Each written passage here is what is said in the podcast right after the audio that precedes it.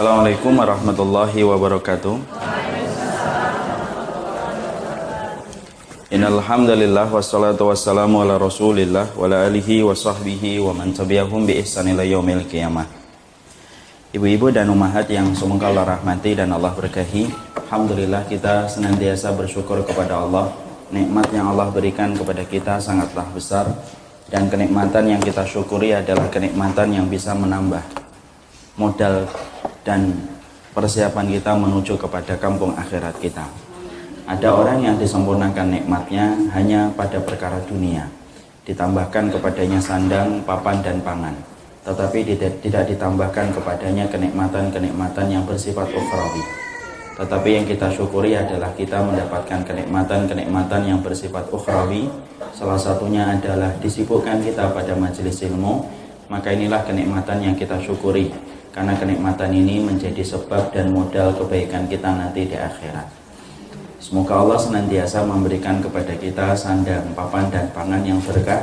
Sandang, papan, dan pangan itulah yang menjadikan kita senantiasa diberikan kebaikan dalam kehidupan kita ketika merintis jalan kita supaya kita mendapatkan ridhanya Allah. Kepada Allah kita meminta pertolongan, kepada Allah kita menggantungkan segala urusan dalam kehidupan kita dan tentunya kita berharap semoga Allah tidak meninggalkan kita walaupun sekejap mata. Amin. Ibu-ibu yang semoga Allah rahmati dan Allah berkahi. Kita akan menerangkan tentang surat Al-Humazah. Bagaimana tafsirnya dan bagaimana makna yang terkandung di dalamnya supaya menjadi petunjuk dalam kehidupan kita karena orang yang beriman mereka yang menjadikan petunjuknya dari kitabullah dan sunnah dan inilah yang menjadikan kita harus memahami tentang surat Al-Humazah supaya kita tidak sampai menyimpang dari apa yang Allah inginkan dan tidak menyimpang dari apa yang Allah tetapkan. Karena barang siapa yang mencari petunjuk selain dari kitabullah dia tidak akan beruntung di dunia dan tidak akan celaka.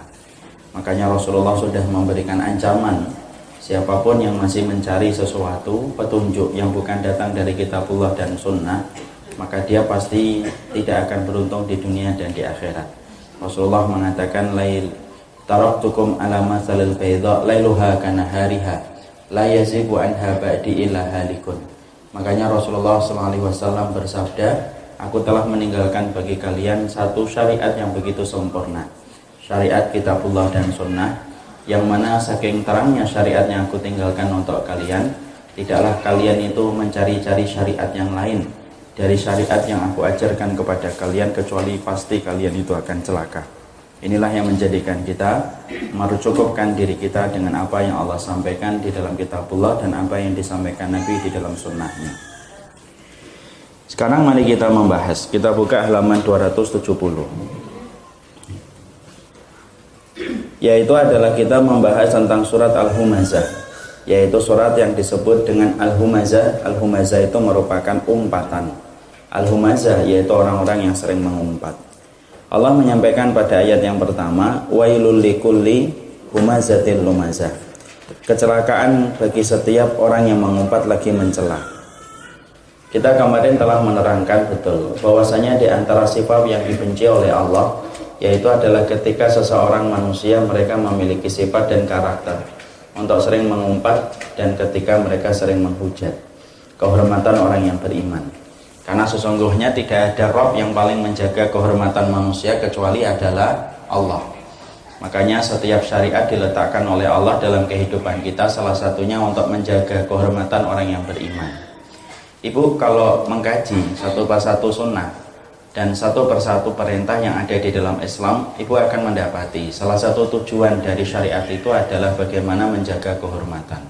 Contoh, kita tidak bisa menetapkan orang berzina sampai kita mendatangkan empat orang saksi. Jadi kita tidak boleh gampang-gampang mengatakan ini hamil duluan, ini MBA, marriage by accident. Maka sesungguhnya itu tidak boleh. Walaupun kemudian kelihatan bahwasanya perutnya besar, maka kita harus membawa kepada prasangka yang baik. Mungkin kalau malam terlalu banyak makan sehingga kemudian akhirnya perutnya semakin besar karena di dalam Islam di situ kita tidak boleh untuk menuduh orang lain menodai kehormatan orang lain kecuali tanpa hak yang telah diatur oleh Allah Di situlah kita paham tidak ada Rob yang paling menjaga kehormatan kecuali adalah Islam. Kita tidak boleh berprasangka kalau kita mendapati ada orang atau melakukan sesuatu maka kita tidak boleh berprasangka yang buruk, kita harus berprasangka yang baik. Kita tidak boleh ngibah. Kita tidak boleh kemudian berbisik-bisik ketika kita bertigaan, yang satu kita ajak bisik kemudian yang satu kita diamkan. Semua syariat itu sebenarnya simpel, yaitu adalah bagaimana di dalam Islam tidak ada agama yang paling menjaga kehormatan seorang insan yang beriman kecuali adalah Allah dan itu kecuali Islam. Makanya kalau orang dia mempelajari agama tetapi dia begitu mudah untuk menodai kehormatan orang yang beriman, pasti ada yang salah dalam dalil yang dia kaji dan pasti ada yang salah dalam kerangka berpikir yang dia terapkan. Karena ternyata dia begitu mudah untuk menghujat, mengumpat dan ketika begitu mudah untuk kemudian dia e, mencela siapa pun yang dipandang buruk olehnya. Makanya inilah yang menjadikan kita betul-betul menjaga diri kita dari segala perkara yang bisa menyebabkan masuknya kita ke dalam neraka, yaitu kegemaran untuk menghujat dan kegemaran untuk mencela. Diam saja ibu, itu lebih baik. Pendiam saja belum tentu masuk surga, apalagi yang banyak bicara. Apalagi bicaranya berkaitan tentang kehormatan seorang mukmin. Ibu tidak paham, diam. Ibu tidak ngerti, diam. Ditanya ustadz lain, tidak ngerti saya, diam. Masih banyak yang harus saya hafal. Masih banyak yang harus saya kaji. Daripada saya berbicara tentang fulan dan tentang fulan, ternyata nanti menodai kehormatannya. Orang yang mengatakan semacam itu saja belum tentu jaminan dia masuk surga. Apalagi ketika dia banyak bicara. Hari ini orang-orang kafir itu memberikan kepada kita banyak sekali teknologi supaya membuat kaum muslimin itu banyak bicara itu dikasih kita Facebook dikasih kita Instagram dikasih kita WhatsApp tanpa kita sadari program-program itu datang dari orang kafir yang mana ketika kita tidak sensitif untuk melihat program itu ya akhirnya menjadikan kita banyak bicara dan salah satunya kita membicarakan kehormatan orang lain dan itu menjadi sesuatu yang besar di sisi Allah karena kita akan mempertanggungjawabkan setiap umpatan dan celaan kita nanti di hadapan Allah. Rasulullah adalah orang yang paling takut apabila perbuatan dan perkataan beliau melukai orang dan mengambil haknya orang. Makanya ibu paham sebelum Rasulullah meninggal dunia, maka Rasulullah itu mengumpulkan para sahabat dan berkata, siapa yang pernah aku pukul, siapa yang aku pernah lukai hatinya. Hari ini kalian boleh mengambil dendam boleh kalian mengambil perbuatan kepada saya. Sebelum nanti datang hari kiamat tidak bermanfaat lagi harta dan tidak bermanfaat anak yang saya miliki. Dan para sahabat saat itu terdiam karena mereka tidak tega mengambil itu dari Nabi tapi di situ kita menjumpai itulah Rasulullah. Kalau Nabi yang sudah dijamin surga ternyata beliau ketakutan kalau beliau pernah mendolimi orang sampai beliau mempersilahkan dirinya untuk diambil haknya ketika pernah mendolimi orang lain apabila ada. Dan ternyata Rasulullah melakukan itu karena Rasulullah tahu kalau sudah menerjang kehormatan orang lain melukai orang lain maka konsekuensinya itu begitu berat nanti di sisi Allah dan itulah yang menjadikan Nabi mengatakan hadis tadi dan sabda tadi sebelum beliau meninggal dunia. Nah, inilah yang menjadikan kita memahami betul. Mari kehidupan ilmu yang kita pelajari kehidupan ilmu bermuara bagaimana kita menjaga lesan kita. Bagaimana lesan kita menjadi lesan yang betul-betul bagaimana lesan kita betul-betul menjaga ada soal kamu saya bagaimana kita betul-betul menjaga lesan Bagaimana kita betul-betul menjaga lesan kita supaya lesan kita tidak terperosok pada perkara yang dibenci dan dimurkai oleh Allah Subhanahu wa taala. Sekarang bagaimana kedudukannya? Ketika kita sudah menjaga diri kita, lalu kemudian kita tidak menodai kehormatan orang, kita tidak mencela orang lain, tetapi ada orang yang mendolimi kita. Dia mencela kita, dia menodai kehormatan kita. Maka kemudian kalau ada orang yang mendolimi kita, Apakah boleh bagi kita untuk membalas kezaliman yang mereka lakukan kepada kita? Boleh ataukah tidak? Nah, inilah yang menjadi salah satu pertanyaan yang banyak muncul di masyarakat. Kalau kita tidak mendolimi Ustaz, tapi kita dalam pihak yang terdolimi, boleh nggak bagi kita untuk mendolimi balik kepada mereka yang telah mendolimi kita? Sebelum kita jawab pertanyaan ini, kita harus mengerti kedoliman itu terbagi menjadi tiga. Kedoliman yang pertama adalah kedoliman yang tidak diampuni oleh Allah kalau kedoliman ini dibawa sampai mati. Kedoliman apa yang tidak diampuni oleh Allah? Kedoliman yang tidak diampuni oleh Allah adalah dolimnya manusia ketika berbuat syirik kepada Allah. Kalau ada manusia berbuat syirik itu dolim dia kepada Allah. Allah yang memberikan kepadanya rezeki, Allah memberikan kepadanya kenikmatan, tetapi dia tega mendatangkan tandingan bagi Allah. Itu dolim itu sama Allah. Dan kedoliman ini tidak akan diampuni oleh Allah ketika dibawa sampai mati. Yang kedua ada kedoliman yang diampuni oleh Allah yaitu adalah ketika kita mendolimi diri kita masing-masing. Kalau kita mendolimi diri kita, kita melakukan dosa. Kemudian kita meninggalkan sholat, meninggalkan puasa, itu mendolimi diri kita. Maka kalau kita mendolimi diri kita, maka sesungguhnya kedoliman ini akan diampuni selama kita bertaubat. Ini termasuk kedoliman manusia kepada dirinya ketika melakukan dosa. Jadi kalau ada orang yang melakukan dosa itu sebenarnya dia mendolimi diri mereka sendiri. Itu yang kedua. Yang ketiga, yaitu adalah kita harus paham. Ada kedoliman yang tidak dibiarkan oleh Allah. Apa kedoliman yang tidak dibiarkan oleh Allah? Yaitu adalah ketika seorang manusia mendolimi makhluk. Maka itu merupakan perkara yang tidak dibiarkan oleh Allah. Dan itu merupakan hutang yang harus kita bayar sebelum nanti kita meninggal dunia. Makanya kedoliman kepada makhluk termasuk salah satu perkara yang dibenci oleh Allah dan salah satu perkara berat ketika disiksa dalam kehidupan di akhirat yaitu adalah mendolimi kita kepada makhluk. Makanya di sinilah yang menjadikan kita berusaha betul untuk menjaga tidak mendolimi. Karena sesungguhnya Rasulullah sudah mengatakan ittaqul dzulma fa innal dzulma dzulumatun yaumal. Takutlah kamu kepada kedoliman karena kedoliman itu kegelapan kelak pada waktu hari kiamat. Sekarang ketika sudah mengetahui kedoliman itu terbagi menjadi tiga, sekarang kita bahas bagaimana kalau kita yang didolimi. Kita tidak pernah menghujat dia, tetapi dia menghujat kita. Dia ternyata dia tidak pernah menodai kita, kita tidak pernah menodai mereka, tapi mereka menodai kita. Maka cara orang yang semacam ini terbagi menjadi tiga. Ada terbagi kemudian maaf terbagi menjadi beberapa hal. Dua.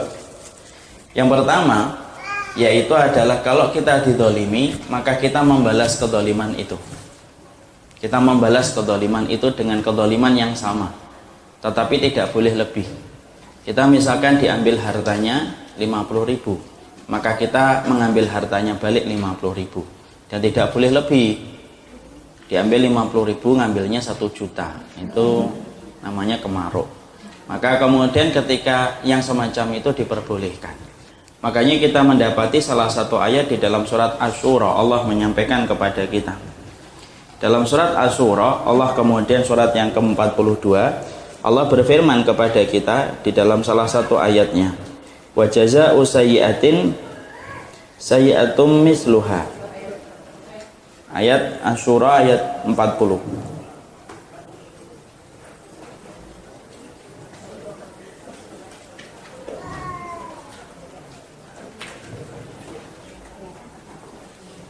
Sudah?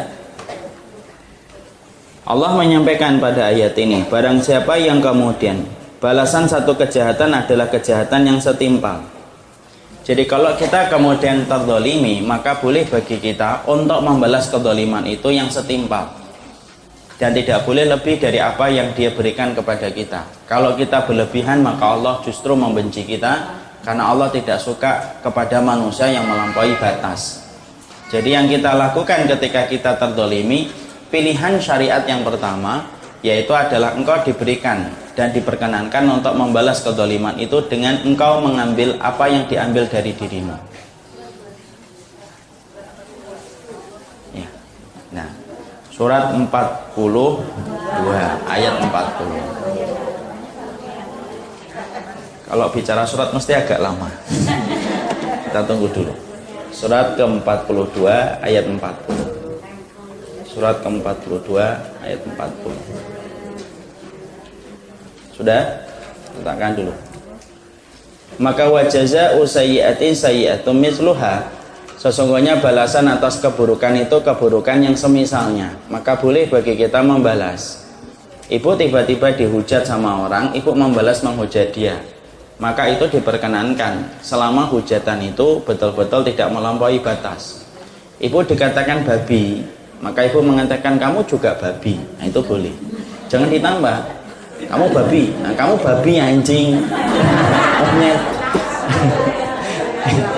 Itu enggak boleh. Oh, kamu cuma dapat babi, kamu balasnya babi, anjing, kerang, monyet, munyuk, semuanya. Nah, itu enggak, itu enggak boleh. Karena sesungguhnya Allah menyampaikan pada ayat yang ke-40 satu keburukan dibalas dengan keburukan yang semisalnya. Maka itu kemudian kita boleh tidak membalas dengan doa keburukan kepada orang yang mendolimi kita. Boleh. Sebagaimana kita mendapati ada satu riwayat dari saat bin Abi Waqqas. Saat bin Abi Waqqas pernah terdolimi, dihujat dia, dinodai, difitnah bahwasanya dia begini dan begitu. Lalu saat bin Abi Waqqas kemudian mengangkat tangannya. Ketika beliau mengangkat tangannya, beliau berkata, Orang yang mendolimi saya, maka timpakan kepadanya ya Allah tiga perkara. Satu, berikan kepadanya, yaitu adalah berikan kepadanya, yaitu adalah umur yang panjang. Yang kedua, miskinkan terus. Dan yang ketiga, berikan dia fitnah sebelum dia mati. Dan ternyata tiga-tiganya dikabulkan oleh Allah. Yang pertama, dia dijadikan umurnya panjang. Yang kedua, dia dijadikan miskin terus. Dan yang ketiga, bagaimana dia kena fitnah, tangannya tidak bisa berhenti untuk mencolek wanita di depan pasar. Dan itu ketika ditanyakan kepadanya, padahal saat itu alisnya sudah putih, jenggotnya sudah putih, semuanya sudah putih. Kemudian ditanyakan kenapa masih kamu goda wanita padahal kamu sudah tua. Kemudian dia berkata ini karena doanya karena doanya saat bin Abi Waqqas kepada diri saya dan inilah yang dikabulkan oleh Allah Subhanahu wa taala. Di sinilah kita memahami, di sini kita mengerti bahwasanya setiap kedoliman yang diberikan kepada kita boleh bagi kita untuk membalas kedoliman ini. Dan kedoliman orang kepada kita itu hutangnya dia kepada kita yang akan akan dia bayar sebelum nanti dia meninggal dunia. Makanya jangan sampai kebencian kita kepada siapa pun menjadikan kita tidak menjadikan kita berbuat dolim itu.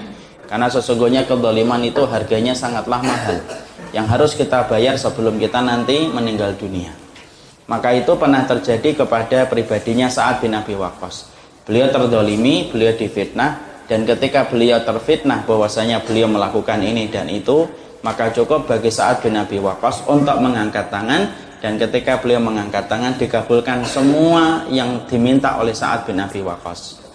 Yang kita khawatirkan ibu kalau kita sampai mendolimi orang bukan dia ketika membalas tapi yang kita khawatirkan kalau kita terdolim kalau kita mendolimi orang orang itu tidak membalas langsung. Tetapi dia menitipkan balas dendamnya kepada Allah. Itu yang paling mengkhawatirkan.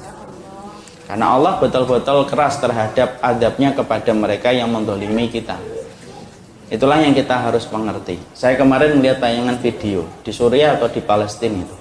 Ada orang tua, dia dalam kondisi betul-betul terdolimi gitu. Dia mengatakan, saya tidak akan membalasnya. Biarkan Allah nanti akan membalas kepada mereka sebelum mereka mati. Makanya banyak kejadian-kejadian yang kita temukan orang kalau sudah mendolimi, selalu dalam kondisi sebelum mati dia membayar kontan setiap kedoliman yang pernah dia berikan dan itu satu kepastian dan keniscayaan yang tidak bisa kita nafikan. Ya, contoh ibu, saya pernah difitnah macam-macam sama orang. Ada seorang lah yang mengaku dirinya fulan. Kemudian memfitnah macam-macam. Saya biarkan saja. Dia mengatakan saya beginilah, saya mengatakan dia mengatakan begini. Saya biarkan saja. Maka sampai kemudian saya mendapati dia katanya pecah pembuluh otaknya. Saya tidak ngerti apakah itu bagian dari doa-doa panjang saya dan para ikhwan yang terdolimi oleh orang ini ataukah tidak. Tapi setidaknya hal semacam ini menjadi peringatan bahwasanya jangan gampang untuk meliarkan. Jangan sampai kita membiarkan mulut kita terbang ke mana-mana untuk mendolimi banyak manusia. Karena setiap kedoliman kalau sudah mendarat kepada kehormatan seorang mukmin, kamu harus bayar itu. Dan itu harganya mahal. Kalau tidak bayar di dunia, kamu akan membayar nanti di akhirat. Makanya kalau saya ingin menyampaikan sama ibu-ibu, ibu-ibu ngaji lah. Ibu-ibu ngaji sama siapa aja. Yang terpenting yang disampaikan adalah kitabullah dan sunnah sesuai dengan apa yang disampaikan para sahabat. Ibu kalau kalau kemudian ada yang ibu tidak kenal seorang ustadz siapa pun, tidak paham, lebih baik diam. Karena sekalinya kita sudah berucap, ucapan itu sudah direkam oleh malaikat dan akan diputarkan kepada kita untuk dimintain pertanggungjawaban dari kita ketika kita telah mengatakan hal-hal yang semacam itu nanti di hadapan Allah. Makanya betul-betul saya heran Ibu. Saya betul-betul heran kepada komunitas yang mereka selalu ngaji tetapi akhirnya produk dari kajiannya menjadikan mereka begitu gampang untuk menghujat dan menodai kehormatan orang yang beriman. Dan saya tidak mau ibu-ibu ketika ngaji sama saya memiliki sifat yang semacam itu. Kalau ada yang memiliki sifat semacam itu lebih baik saya tidak ngajar. Lebih baik saya pulang pagi-pagi saya lari makan megono minum teh hangat. Lebih enak bagi saya. Daripada kemudian kita melahirkan dalam produk dakwah yang kita sampaikan hanya melahirkan orang yang gampang menghujat dan gampang menodai. Mungkin anda pernah ditanya Ustadz kenapa kita tidak membalas? Ketika mereka menyesatkan kita kita sesatkan mereka juga saya berkata, karena kita tidak ingin memiliki sifat khawarij dan salah satu sifat khawarij itu apa? Gampang menodai dan gampang menghujat orang lain. Makanya yang terpenting adalah bagaimana menjaga diri kita. Yang kedua, bagaimana sikap kita kalau kita terdolimi setelah kita diperbolehkan untuk membalas. Dan membalasnya itu harus yang setimpal. Dan tidak boleh lebih dari apa yang kita dapatkan darinya dan kita membalasnya yang setimpal. Maka yang kedua itu memaafkan. Faman afa wa aslaha. Barang siapa yang kemudian dia memaafkan, fa'ajruhu Allah, maka pahalanya di sisi Allah. Makanya orang yang memaafkan orang yang mendolimi boleh atau tidak boleh? Boleh. Silakan untuk dimaafkan dan itu lebih baik. Dan itu lebih baik. Fa'ajruhu Allah, maka sesungguhnya pahalanya di sisi Allah begitu sangat besar. Ada tiga amal ibu yang tidak mampu hampir-hampir tidak mampu timbangan kebaikan itu menampung dari besarnya amal itu. Yaitu yang pertama pahala puasa itu tidak mampu dibebankan kepada mizan timbangan karena saking beratnya pahala puasa apabila diterima oleh Allah. Yang kedua sabar. Sabar itu pahalanya sangatlah besar makanya sampai mizan timbangan itu tidak mampu menanggungnya dan yang ketiga memaafkan orang yang mendolimi kita. Jadi memaafkan orang yang mendolimi kita maka sesungguhnya itu pun merupakan bagian dari amalan yang besar. Makanya langsung dibalas dan diganjar oleh Allah. Jadi ada tiga amal yang hampir-hampir timbangan itu tidak mampu menanggungnya. Dan ada tiga amal yang mana balasannya itu dibayar kontan oleh Allah langsung oleh Allah. Pahala orang yang berpuasa pahala orang yang bersabar dan yang ketiga pahala orang yang memaafkan orang lain. Maka di situlah kita akhirnya boleh memaafkan. Boleh nggak kita maafkan? Boleh dan itu kedudukannya besar. Sudah maafkan. Kalau memang dirasa dengan memaafkan dia maka itu akan menjadi kebaikan untuknya. Silakan maafkan. Tapi kalau ternyata orang ini kalau dimaafkan ternyata banyak kezaliman yang dia lakukan ketika kita sudah maafkan lebih baik tidak memaafkan kita meminta sama Allah supaya dibalaskan kedoliman supaya dia berhenti dari kedoliman yang sering dia sebarkan ketika dia tidak mendapatkan hukuman. Makanya kita doakan moga-moga orang semacam ini dihukum sama Allah supaya tidak banyak lagi orang yang terdolimi. Dan itu diperkenankan ya. makanya kita mendapati kisahnya Said bin Zubair Sa'id bin Jubair ini salah satu ulama yang tegas ketika dia melawan Hajjaz bin Yusuf. Ketika dia melawan Hajjaz bin Yusuf, maka dia mau dipenggal kepalanya oleh Hajjaz bin Yusuf. Maka dia berkata, semoga saya adalah orang yang terakhir kali dipenggal kepalanya oleh Hajjaz bin Yusuf. Akhirnya doanya diterima oleh Allah. Hajjaz bin Yusuf itu setelah memenggal Sa'id bin Jubair, maka setelah dia memenggal Sa'id bin Jubair, dia dalam kondisi ketakutan dia tiap malam tidak bisa tidur sampai matinya. Maka dia selalu berteriak-teriak ketakutan ketika habis membunuh Said bin Zubair. Di situ kita mendapati, boleh nggak kita mendoakan? orang yang mendolimi kita supaya ditimpakan keburukan supaya kedoliman itu tidak merajalela dan tidak merambah kepada orang lain itu diperbolehkan sudah kita pahami ya wailul likulli humazatil lumazah sekarang yang kedua alladzi jama'a malau wa addadah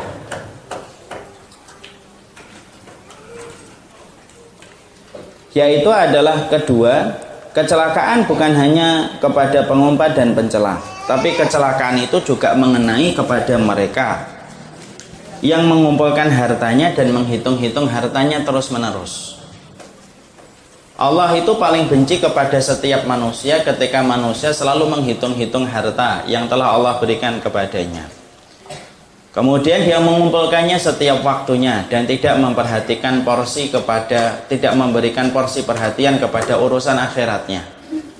Makanya kemudian dikatakan oleh Muhammad bin Ka'ab di sini, yang mengumpulkan harta dan menghitung-hitungnya yaitu hartanya itu telah melalaikannya di siang hari dari beribadah kepada Allah. Sedangkan malamnya ia tidur seolah-olah ia bangkai yang berbau busuk. Artinya Allah itu mencela siapa pun yang mereka menjadi budaknya dunia. Siapa mereka yang menjadi budaknya dunia?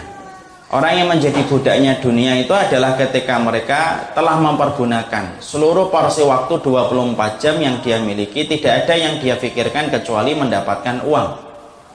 Wa'adadah lalu kemudian dia menghitung-hitungnya. Dia terus menghitung-hitungnya. Dan orang-orang yang kemudian mereka semacam ini mereka mendapatkan celaan dari Allah dan mereka akan dijanjikan kepadanya yaitu neraka. Makanya salah satu sifat penghuni neraka itu apa? Salah satu sifat penghuni neraka yaitu adalah mereka yang giat untuk mencari dunia di waktu siang.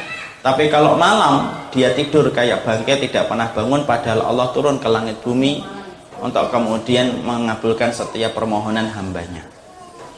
Makanya di sinilah kita mendapati inilah tipe-tipe orang yang menjadi pencinta dunia. Padahal kita mendapati orang kalau sudah menjadi pencinta dunia, ada hal-hal buruk yang pasti didapatkan bagi orang yang selalu menjadikan dunia itu obsesi terbesar dalam hidupnya. Apa ibu yang kemudian Allah berikan kepada mereka yang menjadi pecinta dunia? Yang pertama, orang yang kemudian sudah menjadi pencinta dunia yang pertama, dijadikan bagaimana hidupnya tidak pernah ada kata cukup terhadap semua harta yang telah dia dapatkan. Dia nggak pernah merasa cukup, itu yang pertama.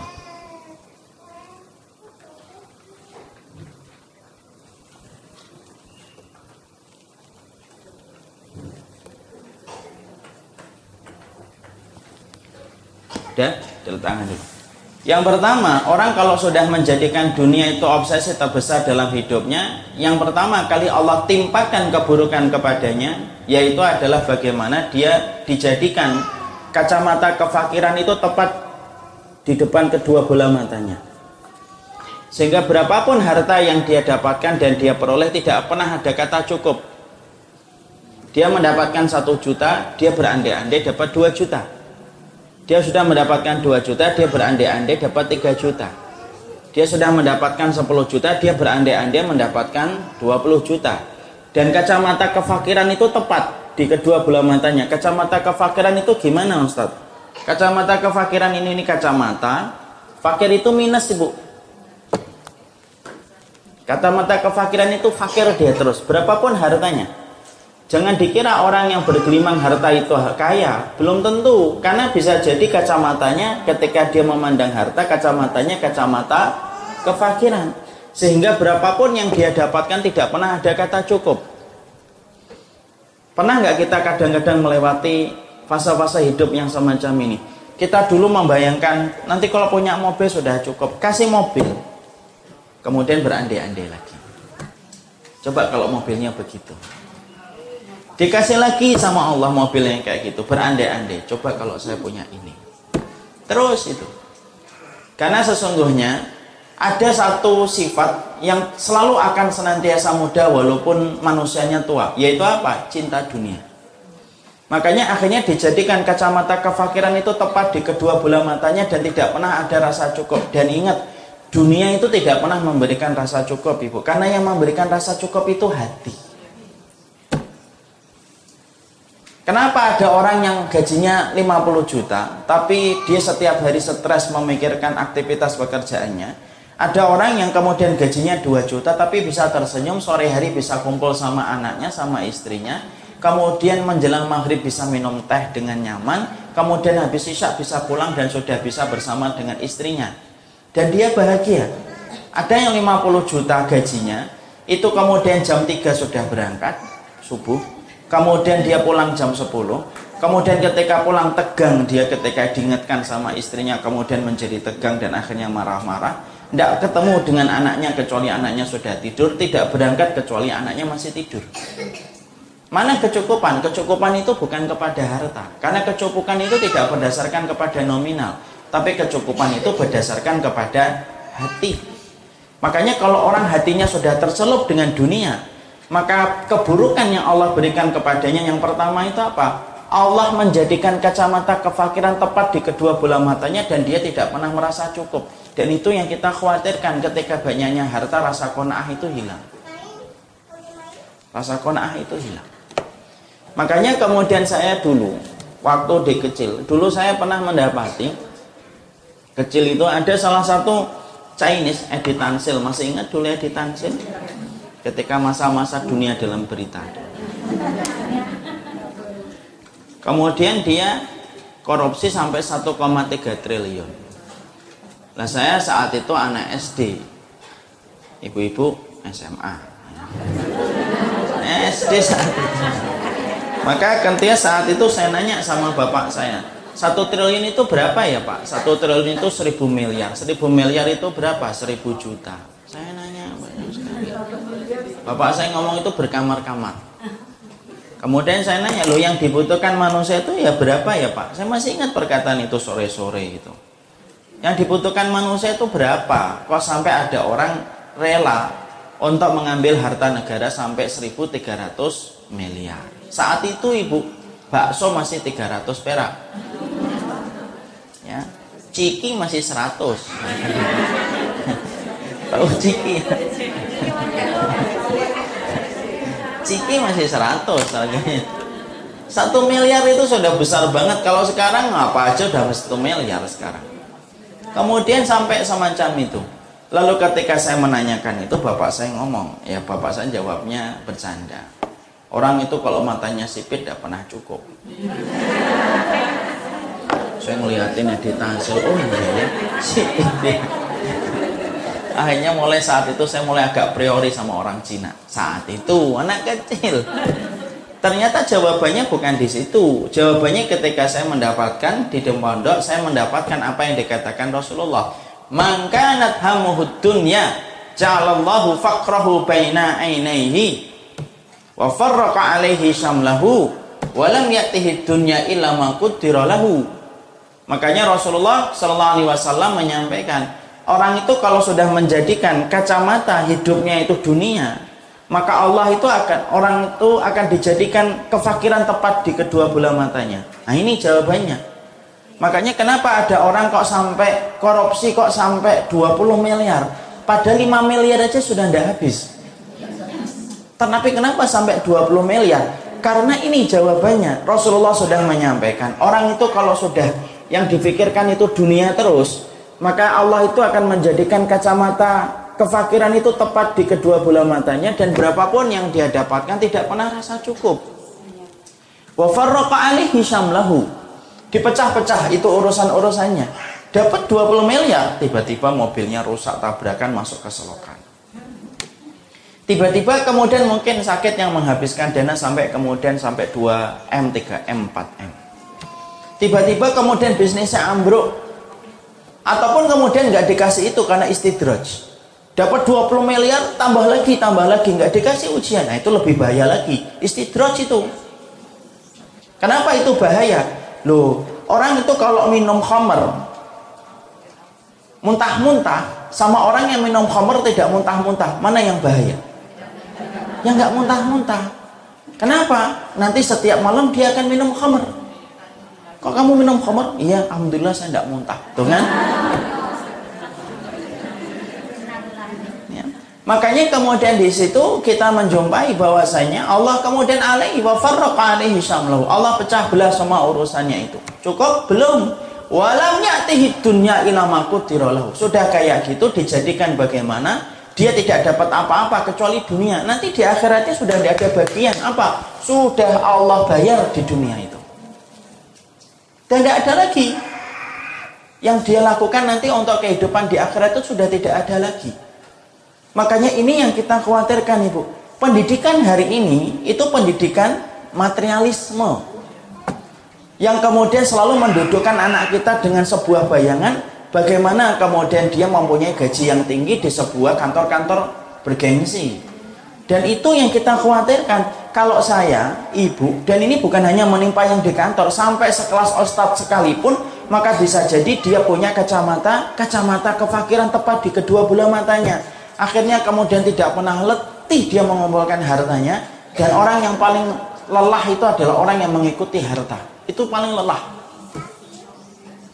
Paling lelah ibu. Kenapa? tidak akan pernah kemudian dijadikan cukup oleh Allah.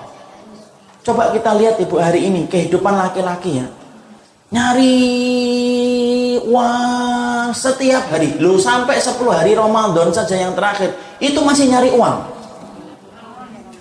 Tapi banyak yang cukup? Enggak banyak enggak cukup. Utangnya sampai 15 tahun. Lihat sahabat ibu nyari uang sekedarnya bersahaja. Kemudian 10 hari yang terakhir mereka nggak mau nyari uang mereka masuk ke masjid tapi cukup. Makanya inilah yang kita khawatirkan bahwasanya Allah itu bisa jadi kepada ustadz, kepada yang ngaji, kepada yang tidak ngaji. Yang namanya dunia itu sesuatu yang paling menipu itu kehidupan dunia. Makanya Allah ketika kemudian sudah mendapati manusia itu ngumpulin harta, dihitung-hitung terus, maka Allah timpakan yang pertama itu kepadanya adalah bagaimana dia dijadikan oleh Allah tidak pernah kata ada kata cukup. Akhirnya apa? Di kantongnya ada 100 ribu, tidak ada syukur dia. Dia baru bersyukur kalau di kantongnya itu ada cek 100 juta, baru bisa syukur dia. Akhirnya rasa kenikmatan hidup hilang ibu. Lihat orang-orang kaya kadang-kadang maaf ya, yang kemudian terkena penyakit-penyakit kemudian mengumpulkan harta yang banyak. Akhirnya kadang-kadang kita kalau sudah diberikan kecukupan oleh Allah, kita semuanya ini, kadang-kadang kita nikmatin hidup sudah mulai berkurang Ibu. Dulu ketika kita kuliah makan daging nikmat betul. Sekarang makan daging sudah malas. Mau makan apa itu sudah bingung kita. Karena kita sudah kemudian seleranya juga sudah berubah gitu loh. Yang dicabut oleh Allah ketika kita sudah memiliki kacamata kefakiran itu, apa yang dicabut oleh Allah? Kenikmatan hidup pun dicabut. Coba dulu ketika kita kuliah, terutama saya ibu. Kalau kuliah itu dulu Masya Allah, makan telur aja sudah bersyukur. Telur ditambah dengan gorengan, itu sudah bersyukur gitu. Kemudian telurnya dibagi yang pagi untuk sarapan, ini untuk siang. Tapi terasa nikmat gitu loh. Sekarang kemudian kita makan daging di restoran mahal bisa bayar, tapi ternyata kadang-kadang itu cuma untuk mengenyangkan perut, tetapi sensasi kenikmatannya sudah tidak bisa kita dapatkan sebagaimana dulu ketika kita mungkin belum punya apa-apa. Belum punya apa-apa, nggak punya uang beli jus saja, nikmat atau tidak nikmat? Nikmat. Sekarang kita minum jus setengah nggak kita habiskan. Makanya inilah yang kita khawatirkan. Kalau kemudian kita tidak pandai-pandai mengingatkan di antara orang yang beriman, pertama kali yang Allah akan tampakkan itu bagaimana kecintaan kita kepada dunia. Kenapa? Tidak ada pemain paling menipu dalam kehidupan manusia kecuali pemain itu adalah pemain dunia, Ibu. Terus dia bersolek terus supaya kemudian kita terus mencarinya. Dan itulah yang dilakukan banyak laki-laki, mungkin kita, mungkin semuanya, mungkin saya juga termasuk kemudian ngejar dunia terus tanpa kita sadari bahwasanya dunia itu semakin kita kejar semakin melelahkan dan justru semakin tidak cukup itu. Makanya kalau kita pengen kaya, simple. Bersihkan dulu hatinya pasti akan kaya. Nah itu yang lama dan itu butuh proses yang panjang. Makanya kemudian yang kita khawatirkan kalau kita sudah kemudian mengumpulkan harta, keburukan yang pertama yang kita dapatkan bagi bagi pecinta dunia itu apa? yaitu akan dijadikan kacamata kefakiran tepat di kedua bola matanya. Yang kedua, keburukan yang Allah berikan kepada mereka yang sudah cinta kepada dunia, menghitung-hitung terus, mengumpulkan terus. akan dicabut kenikmatan ibadah dari hatinya. Akan dicabut kenikmatan ibadah dari hatinya. Yang kedua, kalau sudah kemudian dalam kondisi orang itu ketika kemudian dia sudah terlalu mencintai dengan dunia, yang Allah akan berikan yang kedua kepadanya itu apa? Allah itu akan memberikan kepadanya bagaimana kenikmatan ibadah itu menjadi hilang bagi orang yang sudah menjadikan dunia itu menjadi obsesi terbesar hidupnya. Akhirnya apa? Pergi adzan. Ada kenikmatan untuk menyambut adzan dia. Baru dapat order malah adzan. Kenikmatannya hilang. Baru kemudian duduk meeting Allah Akbar ya Allah meeting baru lima menit sudah adzan. Semua kenikmatan ibadah itu menjadi hilang. Kenapa? Karena bagi orang yang sudah terlalu menjadikan dunia itu tujuan terbesar hidupnya, hidupnya itu baru nikmat kalau sudah mendapatkan harta yang sesuai dengan apa yang dia inginkan. Ibadah itu menjadi korban yang pertama ketika orang sudah menjadikan dunia itu tujuan terbesar. Karena dunia dan akhirat itu tidak bisa ibu berkumpul pada satu hati itu tidak bisa. Karena sesungguhnya sebagaimana minyak dengan air tidak mampu bertemu, dunia dengan akhirat itu tidak bisa ketemu. Orang kalau sudah mendudukkan dunianya, pertama kali yang akan menjadi korban itu akhiratnya. Makanya lihat kan ada orang yang mereka kerja sampai rela dia membuka auratnya di foto, nanti fotonya di share sama orang ratusan bahkan puluhan juta orang akan melihat lekuk tubuhnya dan dia merasa bahwasanya itu merupakan kenikmatan karena kenikmatan yang dia lihat bukan kenikmatan pada ibadah. Ibadahnya dicabut oleh Allah. Kenikmatan ibadahnya dicabut oleh Allah. Orang ibu perhatikan orang kalau workaholic, orang kalau sudah luar biasa kerja, mencintai pekerjaannya berlebihan. Apa yang terjadi, Bu? Tidak ada waktu dia untuk kemudian beribadah.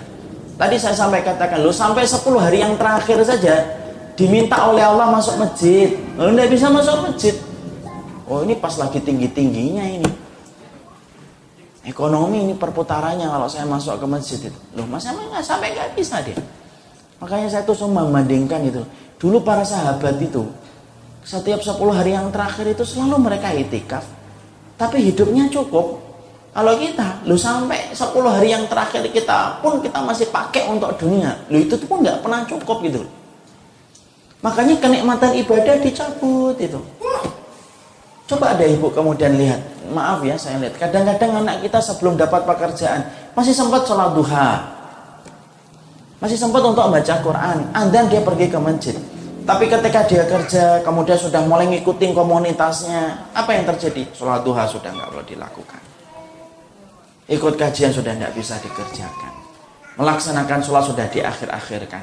Allah cabut itu kenikmatan ibadah. Makanya yang kita khawatirkan adalah kalau hati itu tidak bisa bercampur antara dunia dengan akhirat, maka di sinilah kita paham akhirat itulah yang kita dahulukan karena orang yang bisa mendapatkan akhirat pasti mendapatkan dunia. Mendapatkan dunia itu bukan berarti maknanya itu banyak harta enggak. Bisa jadi dia sabar, bisa jadi dia kona'ah, bisa jadi dia tawakal. Tapi yang jelas dia bisa melewati kehidupan dunia dengan tenang. Kenapa orang yang kalau dapat akhirat itu pasti dapat dunia, Ustaz? Duh, simpelnya gini, ibu kalau bisa membeli Alphard yang harganya 2 miliar, bisa nggak beli Ayla? Bisa. Ayla 100, 150 juta. Tapi orang yang membeli Ayla bisa nggak membeli Alphard? Belum tentu. Lah masalahnya kemudian kita kemudian mendudukkan dunia dulu, kemudian dengan itu kita akan bisa membeli akhirat, ya salah pendidikan yang pertama itu akhirat dulu. Kalau kamu sudah menetapkan akhiratnya, apa pun kehidupan duniamu itu akan terasa kamu kayak raja. Kan gitu. Bukan berarti orang yang dapatin akhirat pasti dapat dunia artinya itu pasti kaya. Belum tentu, bukan itu maknanya. Orang kalau dapat akhirat pasti dapat dunia artinya Allah berikan kepadanya hati dan jiwa yang mampu untuk mengalahkan dunia itu. Karena dia tenang, dia di atas dunia ibu, bukan di dalam pusaran dunia. Orang kalau sudah di atas dunia, tenang dia ngontrol, dapat alhamdulillah, nggak dapat dia nggak terlalu bersedih. Saya tidak mengatakan bahwasanya yang kaya berarti tidak zuhud loh. Berapa banyak orang kaya yang zuhud, Ibu? Dia tenang, dia di atas pusaran dunianya dia.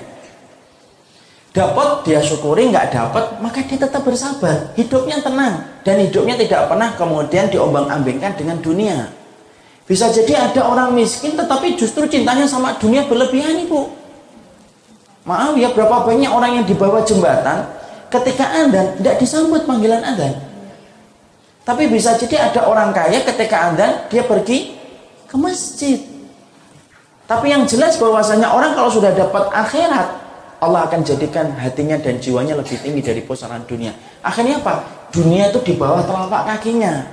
Kalau dia dapat dia syukuri, kalau dia nggak dapat maka dia tidak pernah komplain dan tidak pernah menggugat sama Allah. Karena kita juga harus pahami, ada orang-orang yang memang ditakdirkan untuk kaya, Ibu. Dan ada orang yang ditakdirkan tidak bisa miskin. Tapi ada juga orang yang ditakdirkan itu tidak bisa kaya. Emang ada orang yang tidak bisa miskin, Ustaz? Ada. Contohnya siapa? Abdurrahman bin Auf itu tidak bisa miskin, ibu. Makanya kemudian dia pernah kan pengen jadi miskin, kemudian dia meminta ya Allah saya pengen jadi miskin. Karena kemudian dia khawatir perjalanannya ke surga itu terhambat disebabkan dunia yang dia miliki. Akhirnya apa? Dia mendapatkan kesempatan. Ada orang jual korma, korma yang mau busuk. Diambil, dibeli semuanya itu. Dia kemudian berkata, ini bentar lagi saya jatuh miskin. Bentar lagi saya jatuh miskin. Apa yang terjadi malah kemudian ketika habis membeli itu dia Abdurrahman bin Auf bentar lagi miskin kan kurma ini busuk dan tidak laku lagi. Tiba-tiba datang utusan dari Yaman. Utusan dari Yaman itu kemudian berkata, Raja kami Yaman ini sakit keras dan ramuannya itu membutuhkan korma dengan sifat-sifat sini ini ini ini ini dan sifat itu harus sifat yaitu korma yang busuk. Seluruh penduduk Madinah berkata, lo tidak ada yang punya korma itu kecuali Abdurrahman bin Auf. Coba ibu. Kalau ibu sudah iklan, ya sudah nawarkan ke mana-mana, tidak laku-laku. Ini Abdurrahman bin Auf kemudian jualan korma, dia ngambil korma yang busuk, kemudian supaya dia jatuh miskin. Lu kok nggak bisa jatuh miskin? Coba. Ada orang yang memang tidak ditakdirkan miskin. Makanya pernah kan Abdurrahman bin Auf itu Abdurrahman bin Auf itu habis ngambil barang dari luar kota Madinah di dalam kota Madinah. Kemudian sebelum masuk kota Madinah, beliau ingin buang air besar. Ditaruh itu kuda dan kemudian keledai-keledai yang mengangkut barangnya. Kemudian dia buang air besar. Ada orang lewat, ternyata dia butuh burung apa butuh barang yang dimiliki oleh Abdurrahman bin Auf. Loh, ini barangnya ada di sini. Oh, ini keledainya Abdurrahman bin Auf. Loh ditawar ibu. Abdurrahman bin Auf sedang di balik pohon buang air besar. Ditawar Abdurrahman bin Auf diem aja ya Allah. Lagi buang air besar dia tahu adabnya tidak boleh bicara. Lo yang nawar ketika mendapati Abdurrahman bin Auf itu diem. Dia ngerasa, oh tawaran saya terlalu rendah. Dinaikkan lagi. dinaikkan lagi sampai kemudian dinaikkan terus sampai Abdurrahman bin Auf itu khawatir ini terlalu tinggi. Akhirnya dia ngomong, ya, eh, gitu. Loh itu memang begitu. Yang kita ingin sampaikan adalah bahwasanya Bukan yang salah itu kaya dan miskinnya, bukan itu yang pengen saya sampaikan. Tetapi adalah kalau orang itu hatinya sudah betul-betul dunia. Dan orang yang cinta dunia itu bukan identik dengan orang kaya. Orang miskin aja banyak nggak yang cinta dunia? Banyak ibu. Sudah miskin kemudian tidak pernah nyambut panggilan Allah, tidak pernah ikut taklim, santai, hidupnya kalau ke mana-mana pakai daster keluar gitu sampai kita kadang yang lihat tuh malu gitu ya Allah ya. ya. Jadi kemudian akhirnya kalau orang sudah cinta kepada dunia yang kemudian Allah ambil itu apa kenikmatan ibadahnya itu menjadi hilang dia. Makanya itulah yang tadi kita sampaikan bahwasanya kalau kita mendidik anak tanamkan dulu akhiratnya. Kalau anak kita sudah paham tujuan terbesar hidupnya itu akhirat ibu maka kemudian dia akan menjadi orang kaya walaupun dia rumahnya ngontrak. Kenapa? Walaupun ngontrak, hatinya tenang ibu. Yang kita cari dalam hidup itu tenang atau banyaknya harta sih? Tenang. Berapa banyak itu kemudian teman-teman saya yang di pelosok-pelosok itu. Yang kemudian di pinggir-pinggir hutan ketika dia wiyata baktinya tenang dia. Tapi berapa banyak itu kemudian anak-anak kita yang kemudian kerjanya itu di Sudirman itu yang sudah dapat gaji 6 juta 7 juta. Sering komplain aja kalau pulang ke rumah itu sering ngomong kapan ya mah gaji saya naik. Mana yang lebih tenang? Ada teman saya yang kemudian salah satunya ada di pinggir di pinggir apa di pinggir kampung yang kemudian cuma biasa tapi kemudian dia kehidupannya betul-betul dia tenang pagi dia pergi taklim sore taklim habis maghrib dia masih taklim isya pulang ke kampungnya dia tuh di kaki Gunung Lawu sana.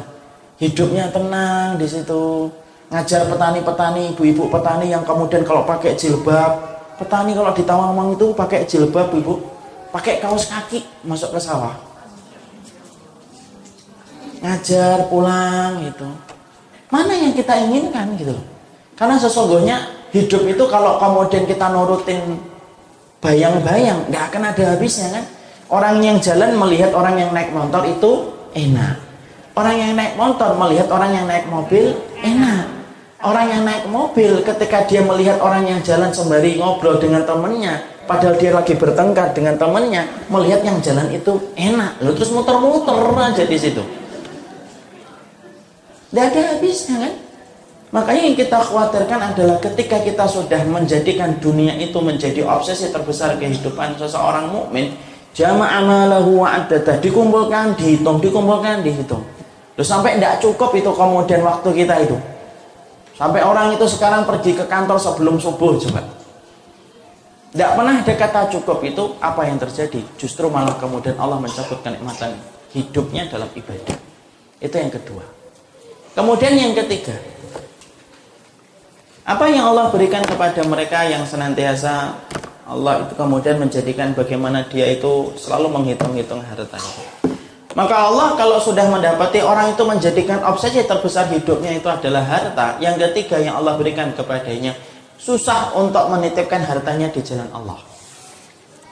Susah menitipkan hartanya di jalan Allah. Kenapa? Takut miskin.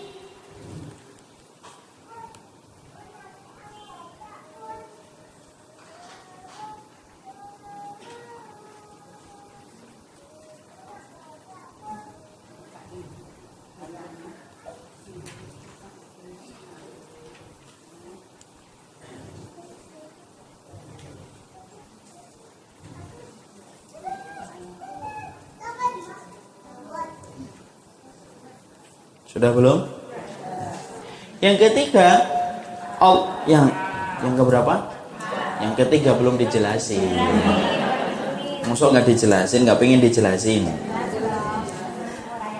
Maka yang ketiga yaitu adalah ketika mereka itu telah menjadikan dunia itu menjadi obsesi terbesar hidupnya, susah nanti dia ketika diajak untuk berjihad dengan harta. Kenapa? Karena dia khawatir untuk menjadi miskin. Dia khawatir untuk menjadi miskin dalam kehidupannya. Makanya sebagaimana Allah sampaikan di dalam surat Al-Baqarah 268. Dibuka surat Al-Baqarah 268.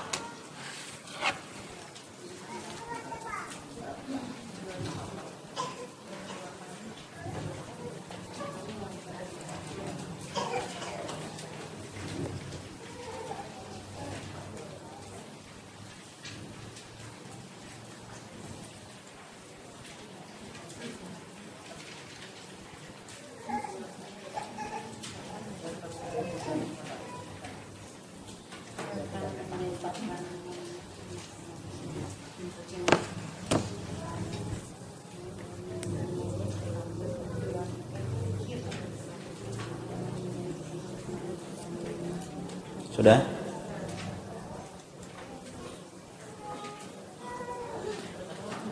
Allah menyampaikan pada ayat ini asyaitanu ya'idukumul faqra wa ya'murukum bil fahsya. Sesungguhnya setan itu menjanjikan kamu untuk menjadi mis, miskin dan kemudian menyuruhmu dalam perbuatan yang buruk. Akhirnya apa? Orang kalau sudah kemudian kacamatanya itu kacamata dunia ibu paling tidak mampu dia untuk bersedekah. Kecuali sedekahnya dia mengharapkan balisan, dia mengharapkan balasan yang sesuai dengan apa yang dia harapkan. Ya. Makanya akhirnya susah. Kenapa? Karena sesungguhnya setan yang kemudian Allah sampaikan dalam surat Al-Baqarah ini Asyaitonu yaitu kumul fakro. Setan itu menjanjikan kamu untuk jadi miskin. Nah ini. Akhirnya kemudian setiap akan berinfak, akan bersedekah. Maka dia khawatir bahwasanya infaknya dan sedekahnya itu akhirnya kemudian akan menjatuhkan dia dalam perbuatan akan menjatuhkan dia dalam kefakiran. Nanti gigit saya miskin, nanti saya kemudian kurang. Akhirnya kalau orang sudah kemudian tidak mampu untuk bersedekah itu, apa yang terjadi ibu? Dia membawa 100 ribu ke tempat taklim terasa banyak, tapi membawa 100 ribu ke mall terasa sedikit. Saya tidak nyindir ya. Nak pinjam 50 ribu, nggak punya bu. Kan ibu ada 100 ribu, iya. Kenapa nggak dibawa 100 ribu? Mau ke besar, mau ke masjid, mau 100 ribu. Saya nggak nyindir. Ya. Di sini insya Allah tidak ada yang di sono. Tapi yang di sono pindahan dari sini atau tidak saya nggak tahu. Akhirnya ketika kemudian membawa 100 ribu ke, ke masjid itu terasa di terasa besar banget. Sampai kemudian kalau niat lo nak mau ke mana nak? Mau ke masjid. 100 ribu ngapain? Hilang nanti di masjid. 100 ribu dibawa ke masjid terasa besar. Tapi ironisnya ketika dibawa ke mall nak pinjam 100 ribu enggak. Kemudian ada 50 enggak? Minjem 100 ribu. Lu kenapa mah iya 100 ribu ke mall dapat apa? Tuh. Nah, ini bisa terkena saya juga semuanya kan? Kadang-kadang kita gitu itu susah untuk kemudian akhirnya apa? Karena sudah terlalu kebiasaan menghitung. Harta itu makanya masya Allah ibu ini yang belum saya bisa lakukan. Coba harta itu kadang-kadang nggak usah dihitung. Udahlah plek di situ aja.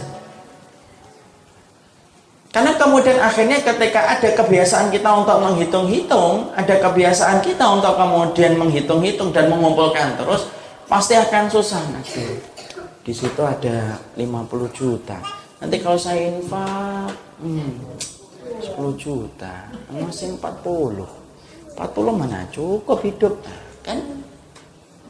Makanya kemudian terbiasa wak ambil. Wak. Makanya kemudian harta itu sebenarnya Para ulama sebagian tuh nggak usah dihitung-hitung. Dapat alhamdulillah diambil tapi nggak usah dihitung-hitung gitu. Ini sekarang naik berapa persen ya di sini ya, masya Allah ya. Nggak usah gitu. Makanya kemudian akhirnya ketika dia sudah semacam itu, akhirnya dia begitu sulit untuk kemudian menitipkan uangnya di jalan Allah. Padahal kemudian salah satu kelapangan hidup kita nanti di akhirat berdasarkan apa yang kita infakkan dan kita titipkan di jalan Allah, Ibu. Kadang-kadang yang kaya raya susah untuk berinfak, tapi kadang-kadang yang miskin banyak yang memberikan contoh berinfak. Itu saya luar biasa itu. Saya kagum itu. Ibu masih ingat kejadian banjir dua tahun yang lalu? Ketika banjir di mana-mana, ada tukang bubur ayam yang harusnya dia itu meremo, tahu meremo ya? Meremo itu saatnya jual bubur ayam mahal itu, karena orang lagi butuh. Justru malah digratiskan semua yang ada di gerobaknya. Itu loh, Masya Allah itu. Makanya kalau orang sudah betul-betul dalam kondisi dia sudah meletakkan harta itu di tangan ataupun harta itu di kaki, dia ngerti kapan dia mengambil untung dan kapan dia ngerti dia tidak ngambil untung. Makanya di Lombok itu saya heran itu. Ada teman-teman kita itu cerita walaupun saya tidak ngerti banyak atau sedikit itu. Ada beberapa toko yang justru malah menjual barang-barang yang dibutuhkan itu harganya dinaikkan. Saya harap itu cuma satu dua toko aja. Tapi itu sempat mencuat, sempat mencuat itu. Loh, harusnya kita malah justru ngeringankan. Kalau bisa malah kemudian kita tidak usah ngambil untung dulu ketika kemudian banyak yang membutuhkan.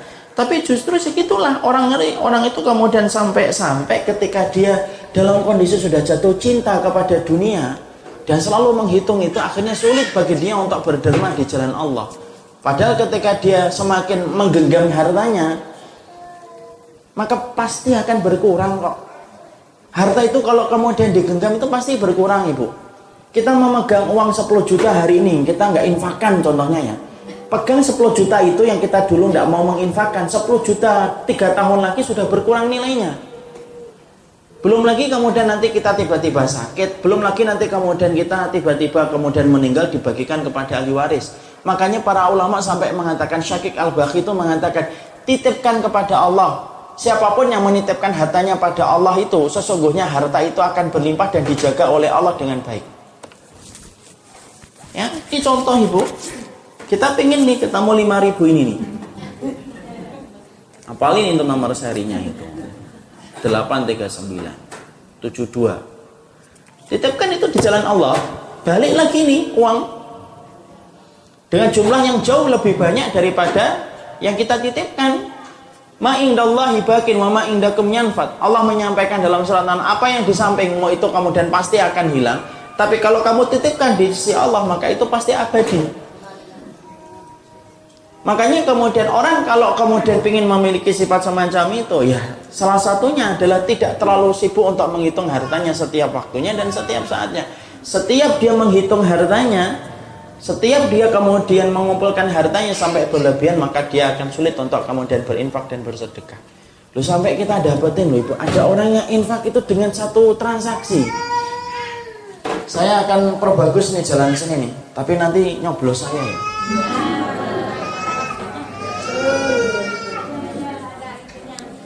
Padahal dia dalam kelapangan harta. Dan itu kemudian yang kita peroleh yang berikutnya, yang ketiga. Orang kalau sudah mencintai dunia itu dijadikan yang semacam itu. Kemudian yang keempat.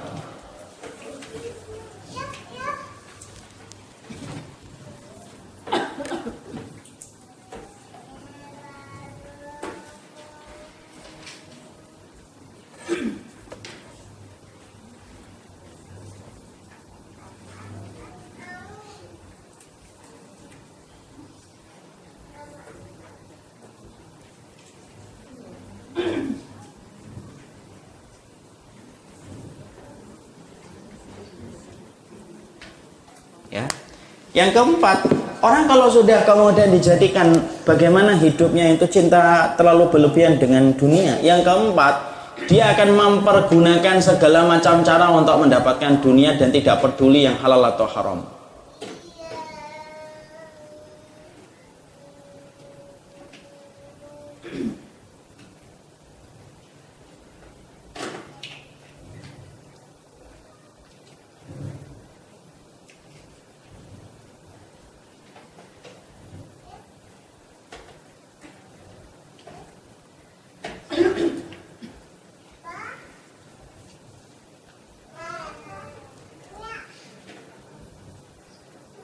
Sudah?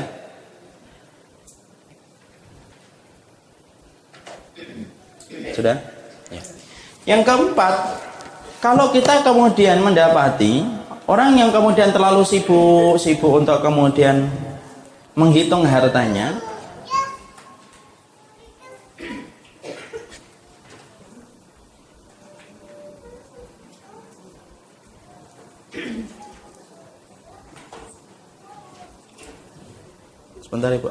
penting sekali.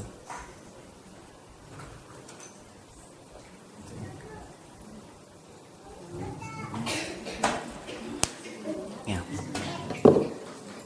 Sampai mana tadi? Yang kamu. Orang kalau sudah menjadikan dunianya itu menjadi obsesi terbesar dalam hidupnya yang keempat, pasti dia akan mempergunakan segala macam cara untuk mendapatkan harta. Tidak peduli itu haram, tidak peduli itu syubhat. Makanya keluarlah jargon yang terkenal di masyarakat itu. Apa jargon yang itu ada itu? Nyari yang haram aja susah apalagi yang halal. Nah itu. Padahal ketika kemudian kita sudah menghalalkan segala macam cara untuk mendapatkan harta, sampai kita tidak peduli yang halal dan haram, apa yang terjadi? Ingat ibu, tidak mampu istiqomahnya kita dalam ibadah itu disebabkan harta yang haram. Makanya kenapa dulu para wanita-wanita zaman dulu, para sahabat, para tabir itu selak. Ya, tidak apa-apa. Sama kayak anak saya. Sampai mana tadi?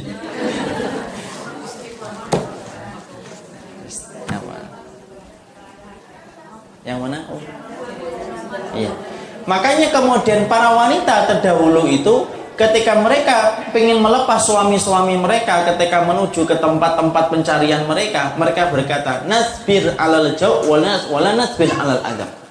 Apa yang dikatakan? Wahai suamiku kami sabar kalau kami lapar tapi kami tidak sabar kalau kami mendapatkan api neraka. Suf, coba. Sampai segitunya. Kenapa para wanita sangat memerhatikan makanan yang diambilkan atau yang dicarikan oleh suami mereka? Karena mereka ngerti, Ibu, kebaikan hidup sunnah itu tergantung pada pada kebaikan makanan yang kita konsumsi. Karena apa yang haram itu, apa yang haram itu, kalau sudah diambil, kalau haram itu sudah diambil, maka sesungguhnya membentuk daging, daging yang terbentuk dari sesuatu yang haram, maka dia tidak akan pernah mampu menyambut panggilan Allah dan Rasulnya. Makanya kenapa Nabi Adam itu dikeluarkan dari surga? Kan sudah berulang-ulang saya sampaikan. Bukan karena zina, bukan karena bunuh, bukan karena minum keras, tapi seorang Nabi Adam dikeluarkan dari surga itu simpel ibu. Karena dia makan buah yang diharamkan oleh Allah. Satu gigitan tok. Tapi sudah cukup bagi Allah untuk mengeluarkan Nabi Adam dari surga. Kenapa? Surga tidak pernah kenal daging yang makan dari yang haram. Coba ibu, makan satu gigitan tok itu, tidak sempat nambah, nggak sempat gelegeen. Oh, iya. Gelegean sendawa. Sendawa kan kurang mantep. Gelegean mantep maka di situ kita paham. Makanya masya Allah itulah yang menjadikan akhirnya kalau orang sudah menjadikan hitungan harta terus tidak peduli bu. Yang penting hartanya banyak. Itulah yang menjadi konsepnya mereka makanya mereka berteman dengan siapa pun tidak peduli apa pun nanti tidak peduli dia Padahal kalau kita sudah sampai nyentuh yang haram, sudah nyentuh yang haram, apa yang kita ambil tidak sebanding dengan apa yang kita korbankan. Tidak akan pernah sebanding itu. Makanya inilah yang menjadikan seseorang itu di dalam kehidupan beragama. Dia harus betul-betul itu memperhatikan itu. Bagaimana setiap harta yang dia dapatkan dan dia peroleh. Karena setiap perputaran yang halal itu akan membentuk kebaikan dan perputaran yang haram itu akan membentuk keburukan. Intinya sunnah itu tiga ibu. Satu, niat dijaga. Dua, jaga dalil setiap kita beribadah. Tiga, pastikan makanan kita itu makanan yang datang dari harta yang halal. Itu intinya sunnah. Jadi kalau ibu sudah ngamalin tiga ini, siapa pun ustadznya, apa pun radionya, sunnah. Nah kemudian tiga intinya intinya sunnah itu tiga satu, jaga niat. Satu, jaga niat. Dua, jaga dalil dari setiap ibadah yang kita lakukan dan kita kerjakan.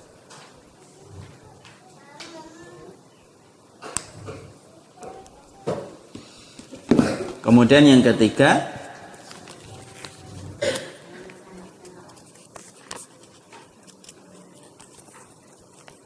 menjaga makanan dari sesuatu yang haram ataupun yang syubhat.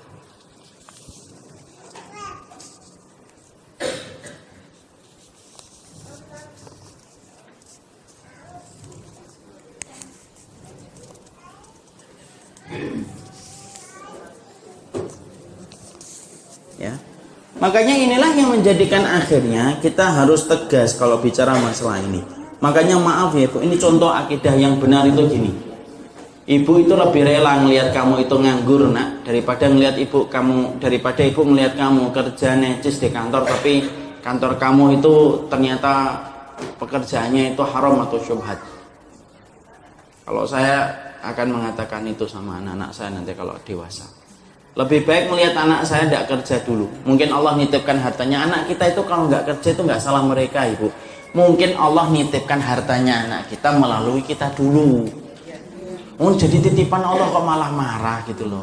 Kamu nggak kerja lo anak kita sudah ngelamar ke mana-mana. Sudah lah ibu, kalau kemudian dia belum dapat, tidak usah kemudian ibu merasa sesek dadanya sebel ngeliat kamu dari pagi sampai sore. Tidak usah gitu. Mungkin hikmahnya itu kalau anak kita ini kemudian ngelamar kerja, kemudian belum dapat dapat, kemudian dalam statusnya itu nganggur, karena Allah nitipkan hartanya melalui ibu supaya dari harta itu diinfakkan kepada anaknya. Dan kalaupun kemudian anak kita kerja tetapi di tempat-tempat yang haram, malah buat apa? Merusak kehidupan akhiratnya. Makanya kemudian kalau saya nanti akan berkata lebih baik nak aku lihat antum melihat kamu dalam kondisi nganggur tapi itu mulia bagi kamu daripada aku melihat kamu netis wangi kemudian rambutmu rapi betul, ibarat kemudian lalat kalau hinggap itu kepleset. Tapi kamu kerja di tempat-tempat yang kata ustadz-ustadz itu tempat semacam itu harusnya tidak boleh. Memang bukan di situ. Kenapa? Fungsinya kerja itu bukan untuk nyelamatin dunia. Fungsinya kita kerja nyelamatin akhirat supaya dengan kerja kita tidak mencuri, tidak mengambil orang, kemudian tidak kita apa itu tidak malak orang. Fungsinya itu untuk nyelamatin akhirat. Berarti kerja kalau selama pekerjaan itu tidak menjamin akhirat kita baik, ya nggak usah kerja di situ dulu. Mungkin Allah akan jadikan di tempat yang lain. Nggak usah khawatir, Allah itu menjamin dunia kita yang belum dijamin oleh Allah itu apa? Akhirat kita. Oh kita dulu waktu kecil aja tenang kok, tidak pernah memikirkan dunia berlebihan kok. Coba ibu ingat nggak waktu kita dulu janin itu, ibu ketika punya bayi, janin dalam perutnya ibu tenang atau tidak tenang? Tenang. Dari mana dunianya dia? Dunianya dia itu diberikan oleh Allah dari siklus bulanan ibunya, yang ketika ibunya hamil ditutup itu sama Allah, kemudian dijadikan saripati, kemudian disedot sama janin di dalam perut kita. Janin kita tenang atau tidak tenang? Tenang. Gak ada kan dokter ketika USG bu, janinnya cemas hari ini makan apa? Karena kemudian dia sudah ngerti tenang, dia itu janin, belum sekolah, SD nggak pernah, SMP juga nggak pernah, bahasa Inggris juga nggak paham. Lu tenang dia, tiap hari ngendon di rumah apa kemudian di rahim ibunya 9 bulan. Tidak pengen keluar juga. Dia syukur dia tempatnya di situ dia bersyukur dia. Tempatnya basah terus dia bersyukur. Lu janin itu masya Allah itu kita malah gede malah banyak aja. Kemudian apa? Kebutuhannya kayak permintaannya itu makanya yang menjadikan kita hidup tidak tenang itu apa? Kebanyakan gaya. Ya enggak ibu Makanya kemudian janin itu ketika dilahirkan itu lahir sempat nangis. Hmm, nangis dia. Kemudian dia melihat darah ibunya muncul kan? Oh, darah nifas sudah. Sempat dia mengingkari tempat yang baru. Masya Allah ini tempat baru. Kemudian digendong sama ibunya. Ketika digendong sama ibunya, disusui sama ibunya, dia tahu langsung. Semenjak pertama kali nyusu, oh rezeki saya pindah ke sini. Ada nggak bayi yang kemudian iri dengan bayi yang lain yang lihat yang lain? Dia tenang aja dalam genggaman kemudian dalam gendongan ibunya. Kemudian anaknya baru jalan satu tahun, dua tahun, tiga tahun, empat tahun, lima tahun, enam tahun nih bayi-bayi yang tadi apa pada ketawa-ketawa di belakang depan.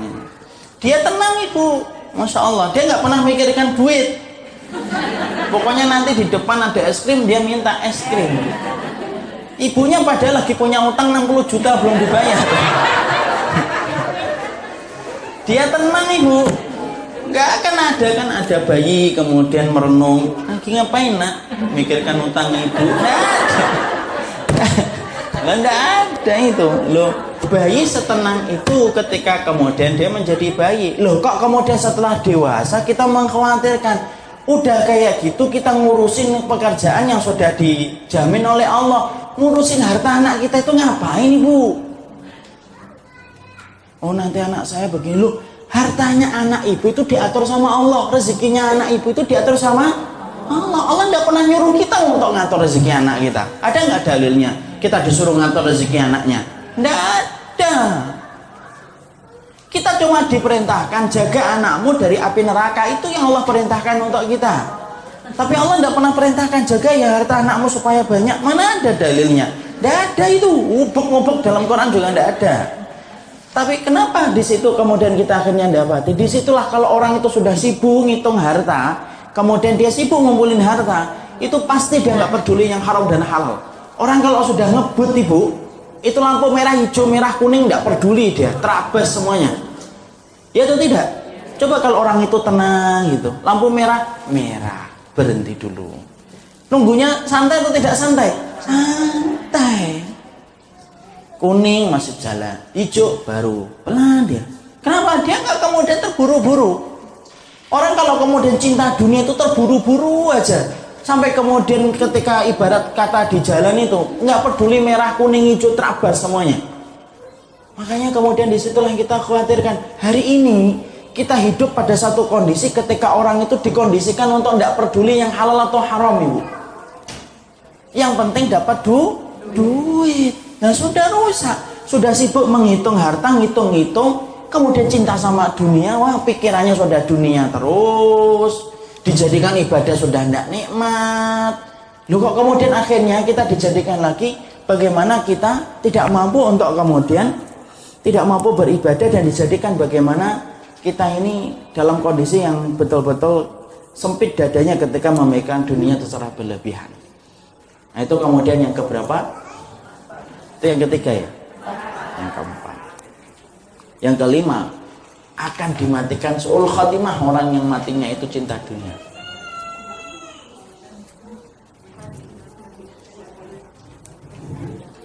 Akan dijadikan matinya suul khatimah. Suul khatimah. Suul khatimah.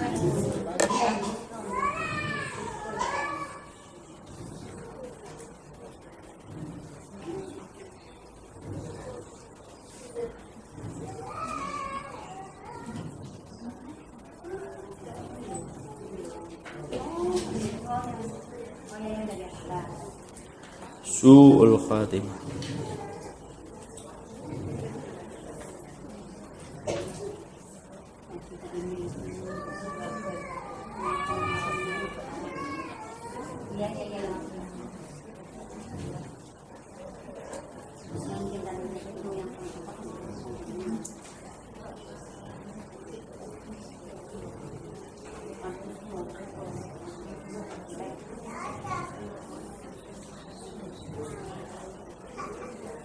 Sudah? Yang ke terakhir, orang kalau sibuk kemudian nyari dunia itu, maka kemudian yang Allah berikan kepadanya kematiannya itu kematian su'ul khatimah. Makanya Imam Al-Qurtubi itu pernah menyampaikan sebuah kisah nyata. Kisah nyata yang disampaikan oleh Imam Al-Qurtubi itu adalah ada orang itu ketika ditalkin maka dia mengucapkan 10, 11, 12.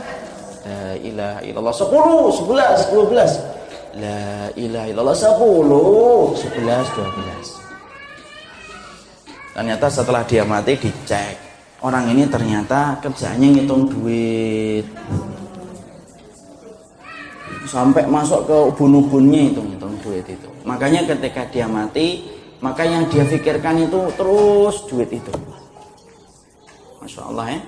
Maka di situlah kita menjumpai bahwasanya Orang-orang yang mereka itu membiasakan dirinya dengan dunia, maka dia akan dimatikan dengan kebiasaan itu.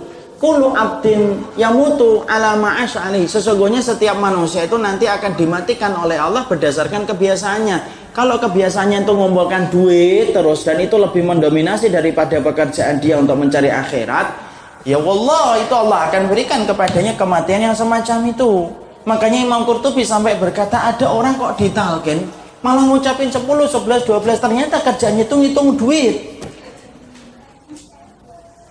Ya. Makanya jangan sampai kemudian apa yang kita lakukan ini menjadi kata-kata yang nanti kita ucapkan ketika meninggal dunia. Na'udzubillahi min dalik gitu loh. Ibu suka ngitung-ngitung gitu. 6 ribu, 7 ribu gitu. 12 ribu 45 ribu kurang 200 gitu 100 ribu kurang 300 jangan sampai nanti ditalken bu. La ilaha illallah 100 ribu kurang 300 naudzubillahi min dalik itu. Karena sesungguhnya itu termasuk salah satu perkara yang sudah dikatakan oleh Imam Al-Qurtubi. Makanya maaf ibu kalau ada orang meninggal dalam kondisi tidur belum tentu itu kematiannya tidak sul khatimah. Bisa jadi sul khatimah ketika mati yang dia pikirkan itu dari pagi sampai ketika dia mati itu yang dia pikirkan itu ya uang gitu loh. Dan kita nanti akan dikumpulkan berdasarkan niat yang kita miliki. Kalau niat kita untuk dunia ya akan dikumpulkan dengan para pencari dunia terus. Makanya sampai ada ulama itu mengatakan ada loh orang matinya di atas tempat tidur tidak melakukan seakan-akan tidak maksiat tidak seakan-akan tidak melakukan dosa tapi matinya walaupun di atas tempat tidur itu matinya sul khatimah. Siapa Orang yang ketika mati hatinya itu yang difikirkan dari pagi sampai hari itu mati. Yang difikirkan tuh duit berapa lagi yang nanti masuk ke rekeningnya.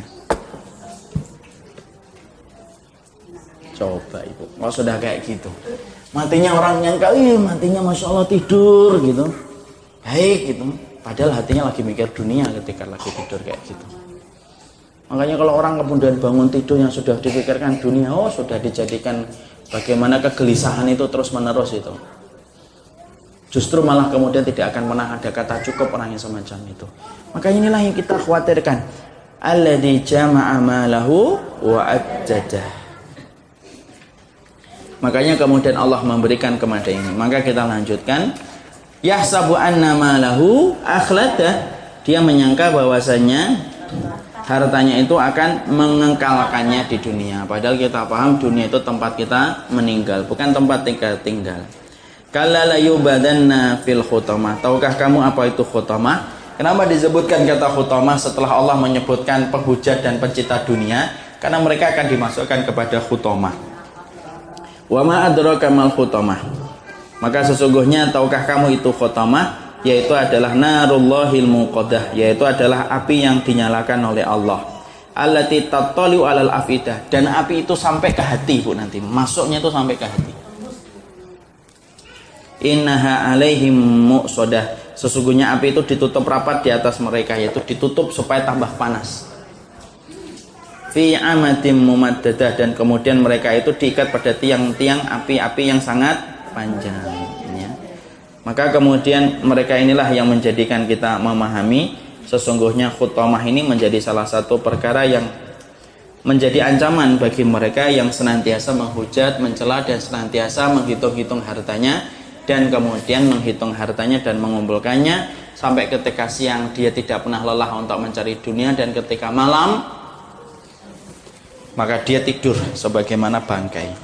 Semoga Allah memberikan kebaikan untuk kita dan memberikan keberkahan untuk kita insya Allah. Dan semoga Allah memberikan istiqamah dalam kehidupan hati kita.